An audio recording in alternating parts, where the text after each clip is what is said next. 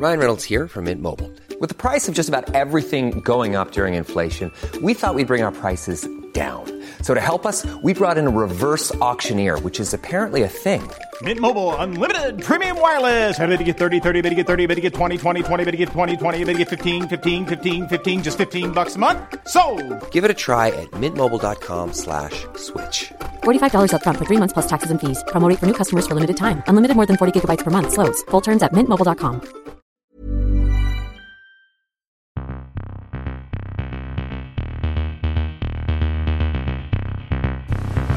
Guten Tag.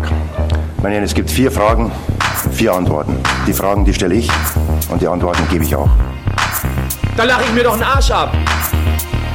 An Stefan Effenberg kann man nicht zerbrechen. Ja. War das klar und deutlich? das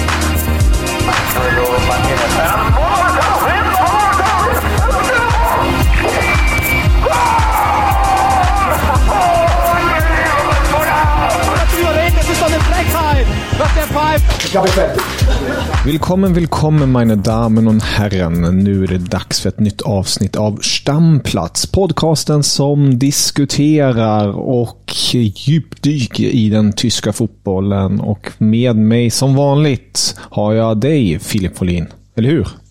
Ja, men det stämmer bra det. Nu ska vi hyvla det tyska landslaget. Tycker du inte det? Jo, det är, det är på sin plats. Eller på sin plats.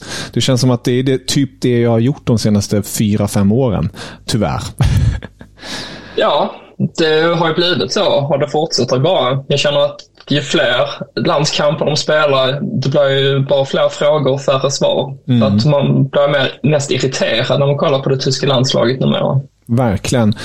Tyskland eh, som bekant kommer inte behöva kvala in till EM för att de är ju värdnation 2024. En, en fantastisk möjlighet att på något vis få en renässans och eh, någon form av respekt igen efter de senaste årens missöden. Men det går ju inte riktigt åt rätt håll, vill jag påstå. Det här landslagsuppehållet var väldigt omdiskuterat i Tyskland. Det var väldigt starka ord inför för att Hansi Flick tog ut ett väldigt eh, C-betonat lag.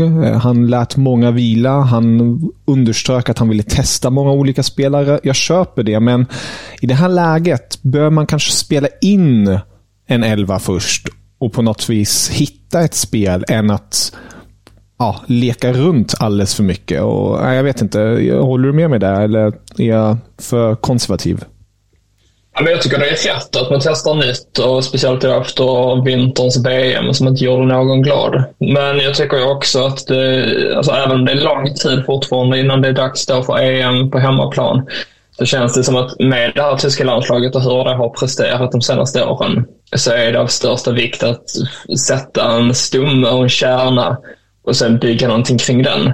Och just nu känns det som att den enda riktiga stommen egentligen är väl typ Kimmich och egentligen då Musiala och Wirtz kanske som man i alla fall hoppas ska, ska vara de ledande framåt i banan för det tyska landslaget.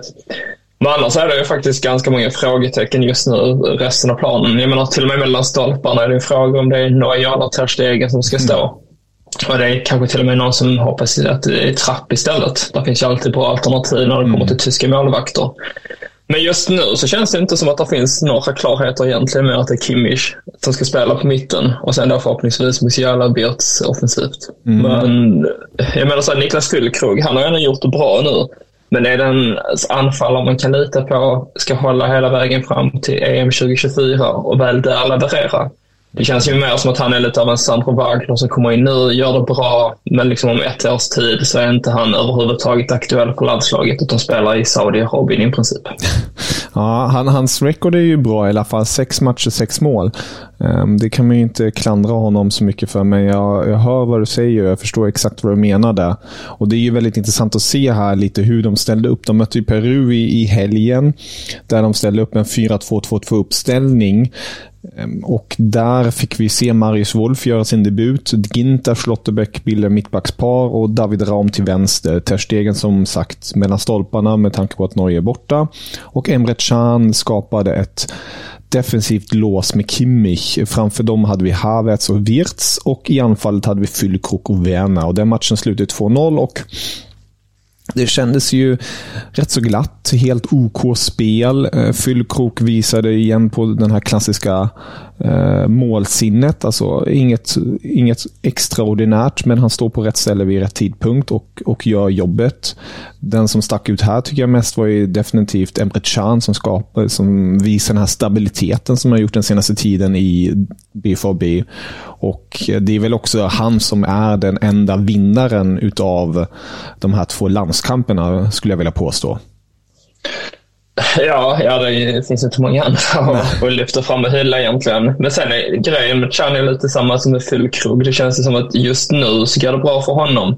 Men han har ju inte haft en karriär som gått spikrakt framåt bara. Mm. Utan det har ju det har varit väldigt många dippar och det känns som att det kommer komma fler sådana. Så just nu är han bra, absolut. Men det är ingen spelare jag tycker att man ska bygga ett landslag kring. Nej, och Andra matchen blev mot Belgien, Sveriges motståndare, i en träningslandskamp och där fick vi återigen se ett steg mellan stolparna. Wolf till höger, Ginter bildar mittbackspar denna gång med Kehrer, då Schlotterbeck var småskadad och fick åka hem.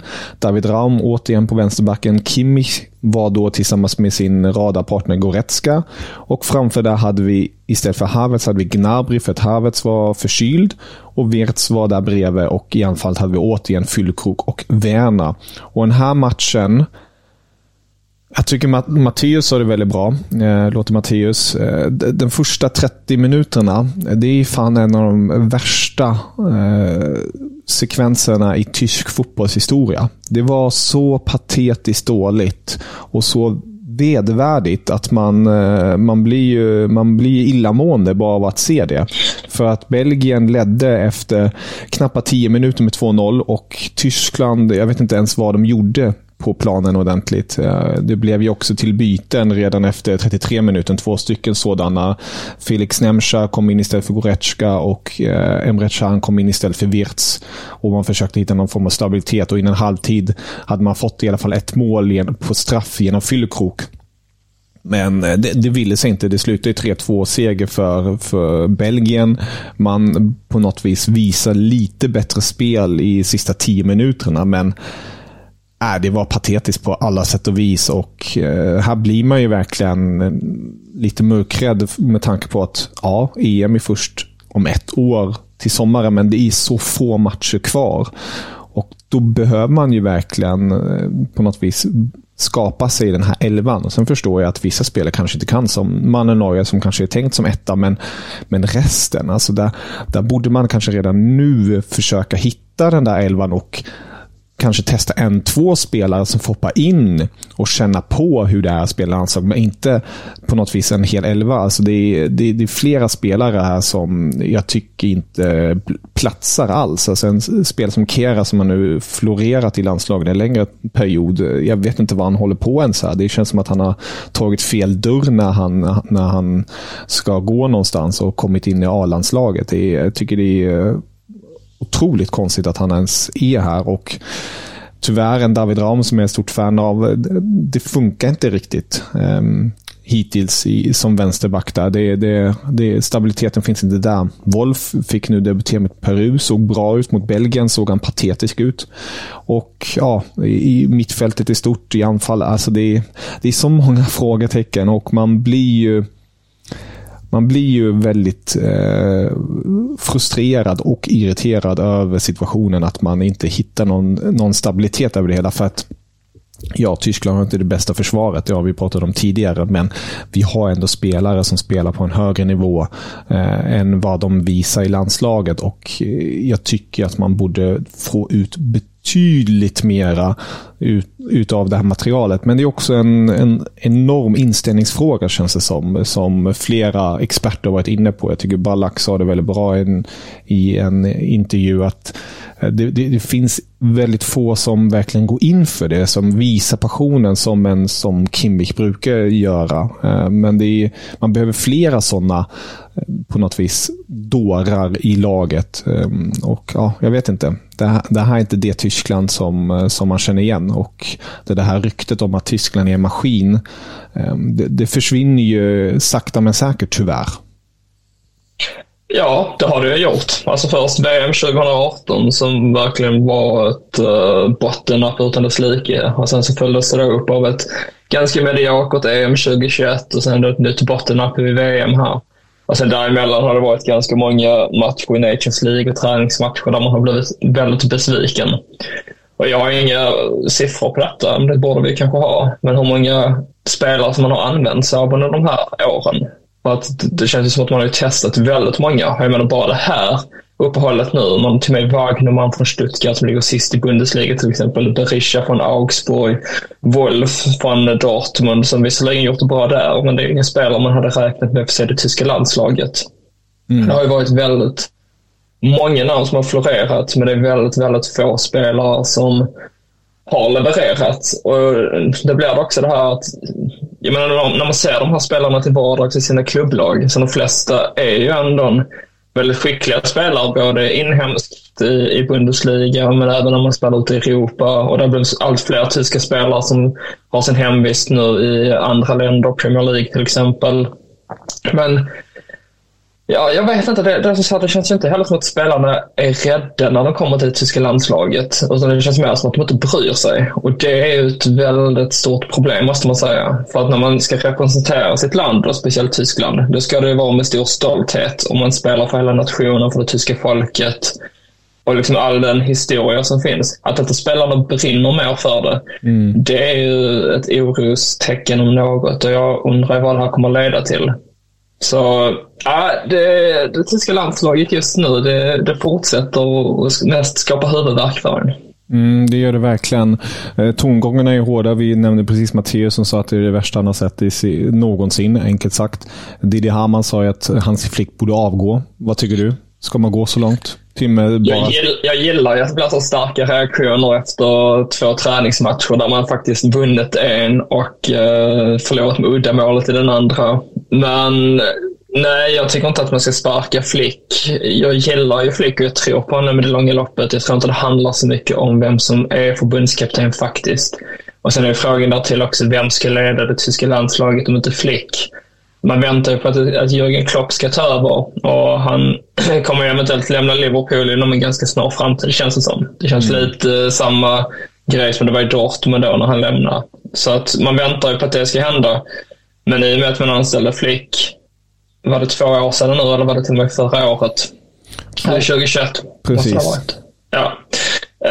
Um, så, så han är fortfarande relativt ny på posten får man säga. Så jag tycker han ska få mer tid på sig.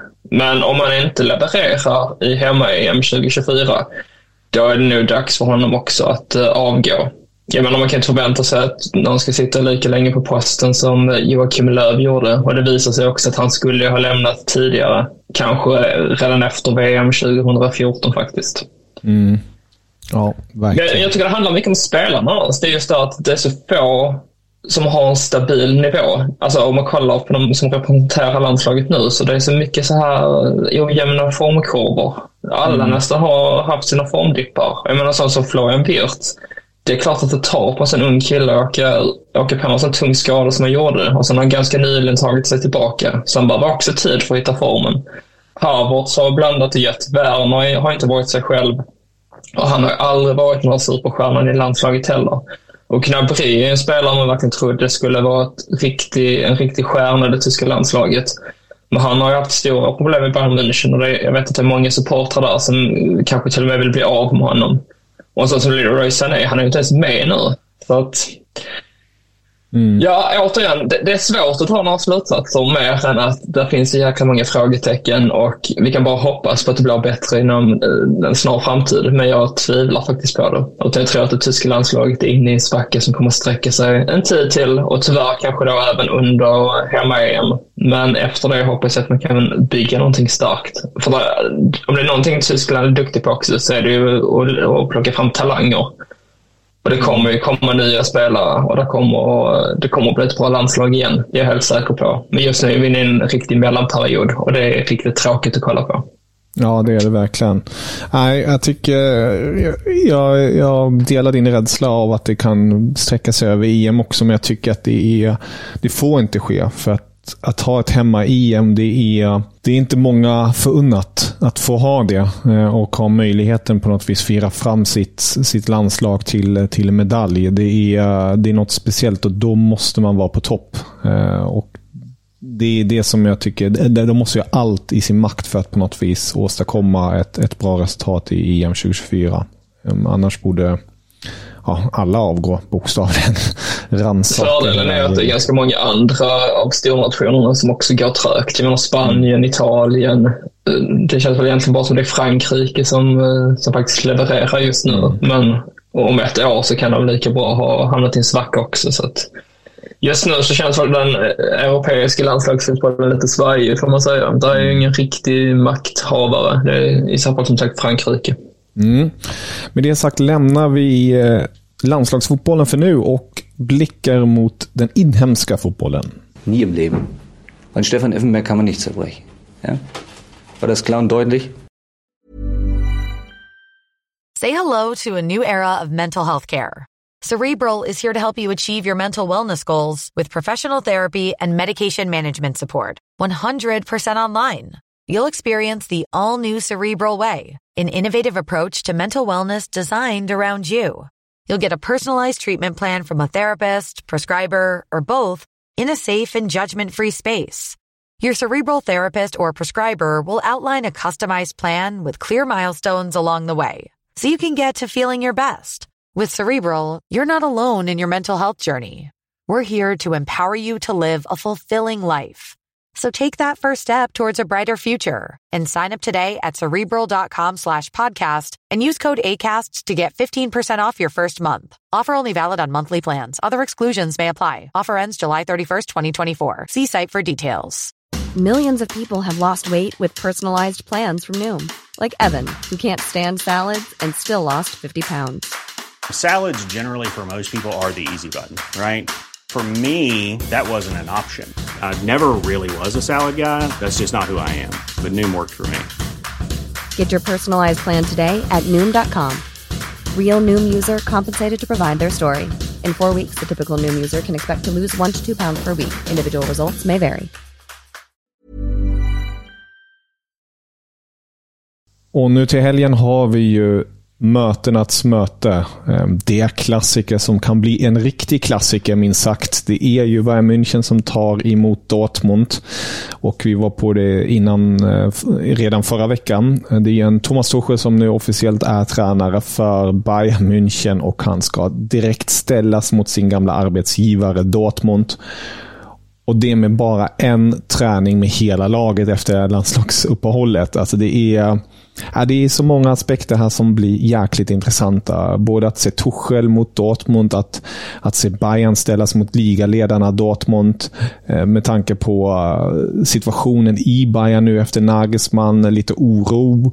Eh, flera spelare är lite förvånade över kicken, samtidigt som vissa spelare är väldigt taggade på att ha, ha Tuchel in. Man såg redan glada miner på bland annat Leroy Sané eh, som förmodligen kanske kommer få ett uppsving nu med, med Tuchel. Det är väl det som ledningen hoppas framförallt på. Att man att man ser ett uppsving med då Liro Sané, Serge Gnabry och Sadio Mané. Spelare som ska egentligen vara på den absoluta eh, toppnivån som definitivt inte har florerat där den senaste tiden. Och, eh, nej, det ska bli jäkligt roligt och spännande att följa denna match. Eller vad säger du? Ja, men det får man ju verkligen säga. Jag tycker de här mötena känns hetare och hetare de senaste åren. För mm. innan så, så kändes det alltid som en garanti att München skulle vinna och dessutom så hade man alltid ett ganska stort försprång. Men nu är det faktiskt Dortmund som sitter i förarsätet här, toppar ligan med en poäng före Bayern och kan trycka lite vid en seger. Och förutsättningarna är som, som du varit inne på ganska goda ändå. Alltså jag menar, Bayern München är, är Bayern München givetvis, men om man byter tränare, det brukar ju ett uppsving, absolut, men han har bara haft en träning med laget. Och man får ändå anta att det tar lite tid för honom att sätta sin egen agenda för laget.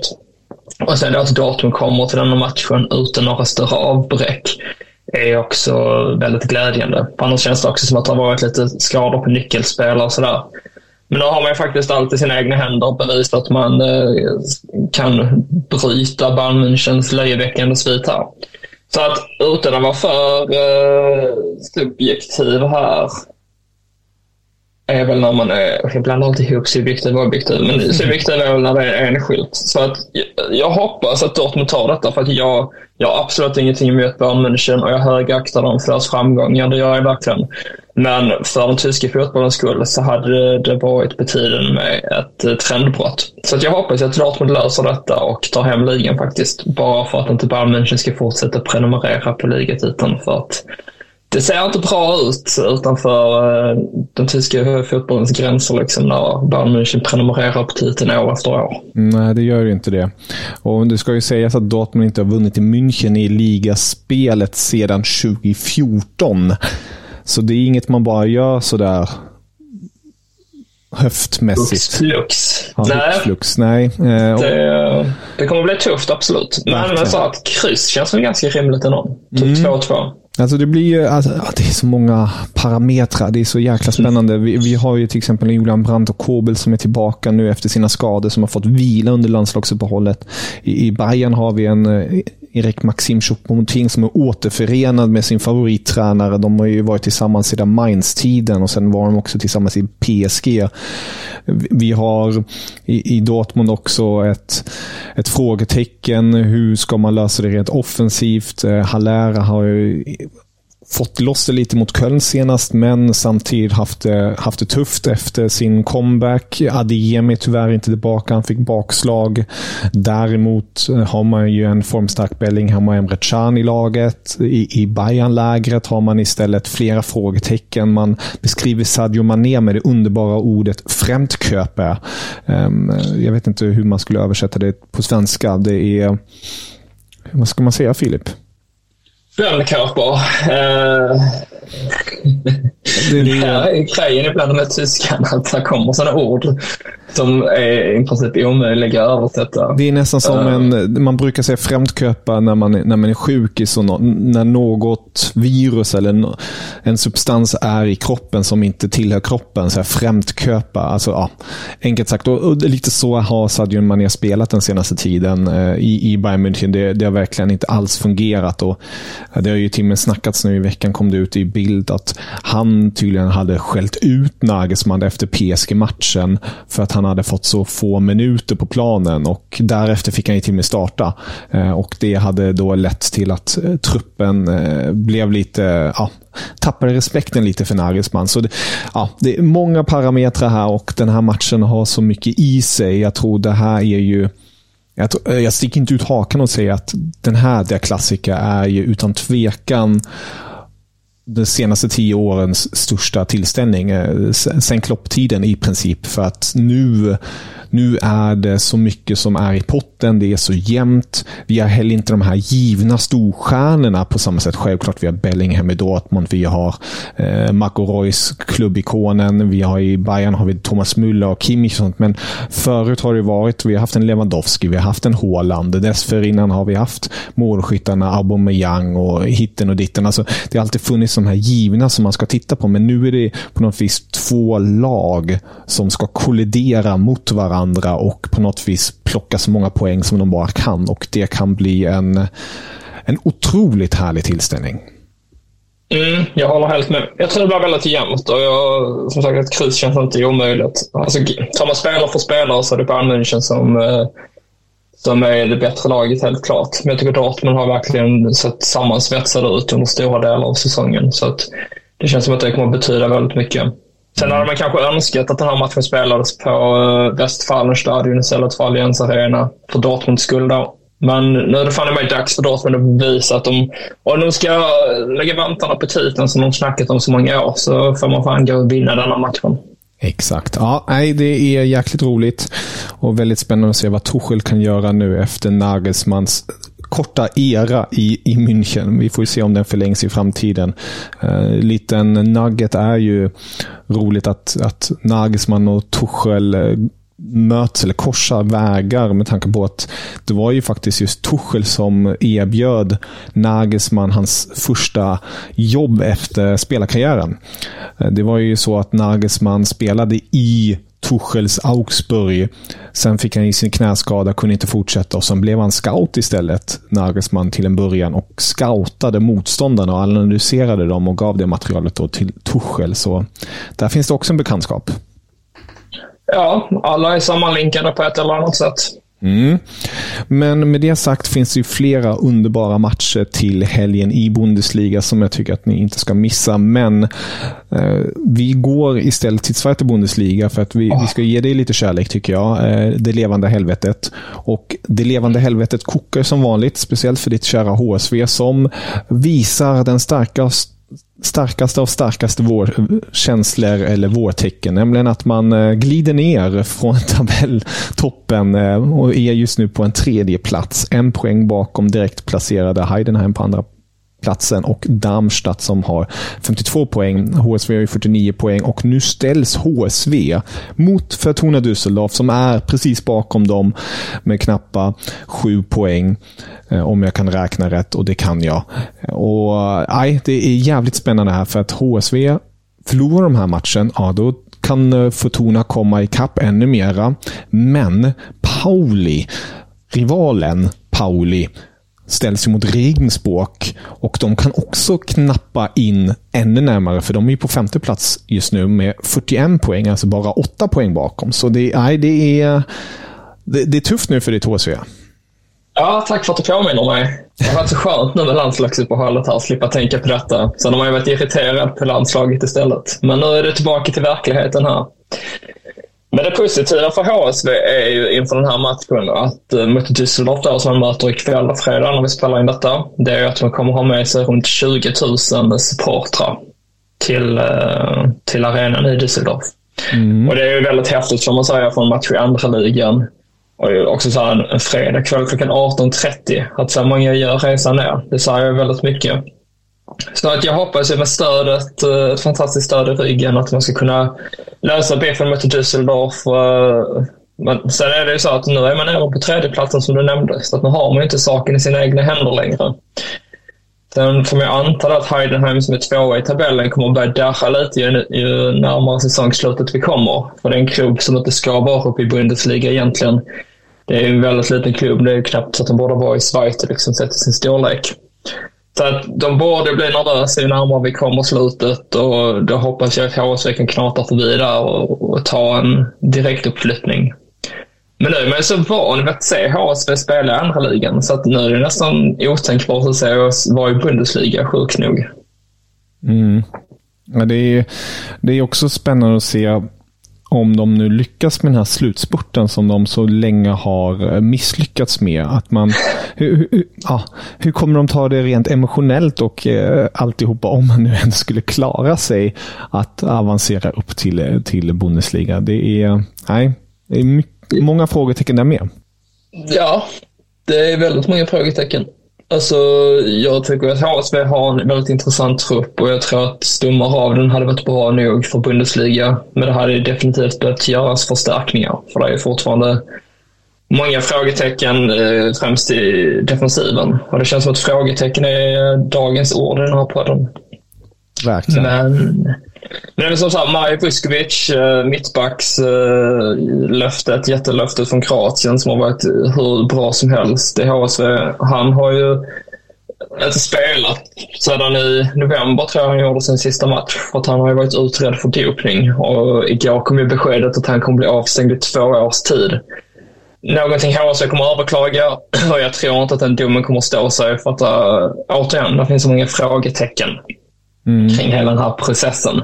Hur det hela har gått till. Det har varit väldigt konstigt skött från uh, det tyska fotbollsförbundet och deras dopingkommitté och sen har det varit lite så här eh, svågerpolitik i det att bolaget som ansvarat för det här, de här dopingtesten har ju också varit de som har fått göra proffsanalysen av dopingtesten som andra experter har bedömt vara eh, icke godkända. Så att, ja, vi får se vad det här leder till, men det är ett tungt avbräck i försvaret. Och sen då kapten Sebastian Jean Lau som annars har varit väldigt viktig. Han är avstängd ikväll då mot uh, Düsseldorf efter sitt femte gula kort. Så att där har vi uh, Någonting som är väldigt oroväckande ikväll, det är ju försvaret. För att senast Chanelot och Vuskovic saknades båda två. Då ställdes man mot Karlsruhe och då jag tror det var 3-0 det stod efter en halvtimme. Och man förlorade den matchen till slut med 4-2. Så ja, det är med skräckblandad förtjusning jag ser fram emot kvällens match och det är med skräckblandad förtjusning jag ser fram emot slutet på den här säsongen. Jag har som vanligt noll förväntningar och jag hoppas verkligen av hela mitt hjärta att vi tar steget upp för HSV hör hemma i Bundesliga och sett till uh, de andra klubbarna i Sverige så är det den här säsongen verkligen som ska ta steget upp. För mm. det finns ingen solklar utmanare som vi gjort tidigare år. Men vi är experter på att skjuta oss själva i foten och nu känns det som att St. Pauli skulle mycket väl kunna gå om oss och knipa kvalplatsen eller ta en direktplats till och med. Så det kanske blir en fjärdeplats. Nu bröt vi den sviten förra säsongen genom att nå kvalplats, men det är kanske tillbaka till fjärdeplatsen i år igen. Jag vet inte. Nej, vi får helt enkelt luta oss tillbaka och bevittna detta kanske missöde för HSV återigen. Men det troliga missödet. Det troliga missödet. Eh, jag håller tummarna för din del i alla fall Filip och så Vielen får vi helt enkelt kika under vårens gång hur det går för detta HSV. Eh, som jag sa redan innan, Darmstadt och Heidenheim är just nu på direkt placerade direkt placerade. De är just nu på um, direkt uppflyttning heter det ju. Och mm. uh, vi har ju även Fortuna Düsseldorf, St. Pauli och även Paderborn där uppe slåss. Kaiserslautern är också där och lurar lite i, i baksätet, men uh, det, det, ska nog inte gå för deras del tror jag. Det, jag har svårt att se det, men vem vet? Vi får se. Jag tror att Darmstadt tar det i alla fall. Och sen kommer det nog bli väldigt infekterat kring andra, tredje, fjärde platsen där. Paderborn tror jag inte mäktar med i, i det långa loppet. Så jag tror nästan det kommer stå mellan Heidenheim, HSB och St. Pauli faktiskt. Mm. Alltså St. Pauli är så extremt jävla formstarka just nu så att det känns som att de kan slå vad som helst. Och eh, med tanke på att det är nio omgångar kvar att spela så finns det fortfarande många poäng att slåss om. Så att det, ja, det skulle inte förvåna mig om de tar steget upp. Nej. Och i botten ser vi Sandhausen som med största sannolikhet kommer åka ur. De har bara 21 poäng efter 25 spelade matcher. Och sen har vi faktiskt Hansa Rostock på samma poäng som både Braunschweig, Bielefeld 25 poäng var, Regensburg på 26 poäng, Magdeburg på 28 poäng och Nürnberg på 29 poäng. Det är väl de lagen som slåss där nere om att inte åka ner direkt tillsammans med Sandhausen. Så får vi se vem som hamnar på kvalplatsen.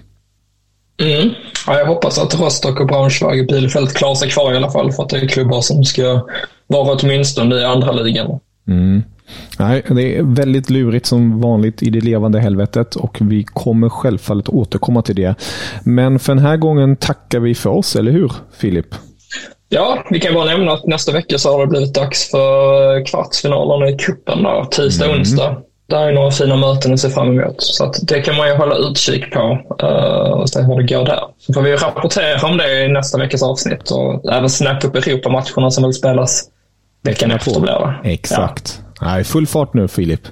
Yes, det gillar vi. Nu är det slutspurten här. Jawohl. Sköt om dig så hörs vi snart igen. Detsamma. Auf Wiedersehen. Auf Wiedersehen. Guten Tag. Meine es gibt vier Fragen vier Antworten. Die Fragen, die stelle ich und die Antworten gebe ich auch. Da lache ich mir doch einen Arsch ab.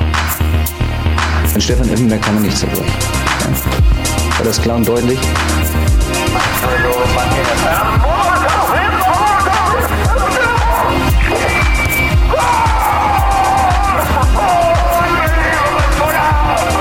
Das ist doch eine Frechheit, was der pfeift. Ich habe fertig.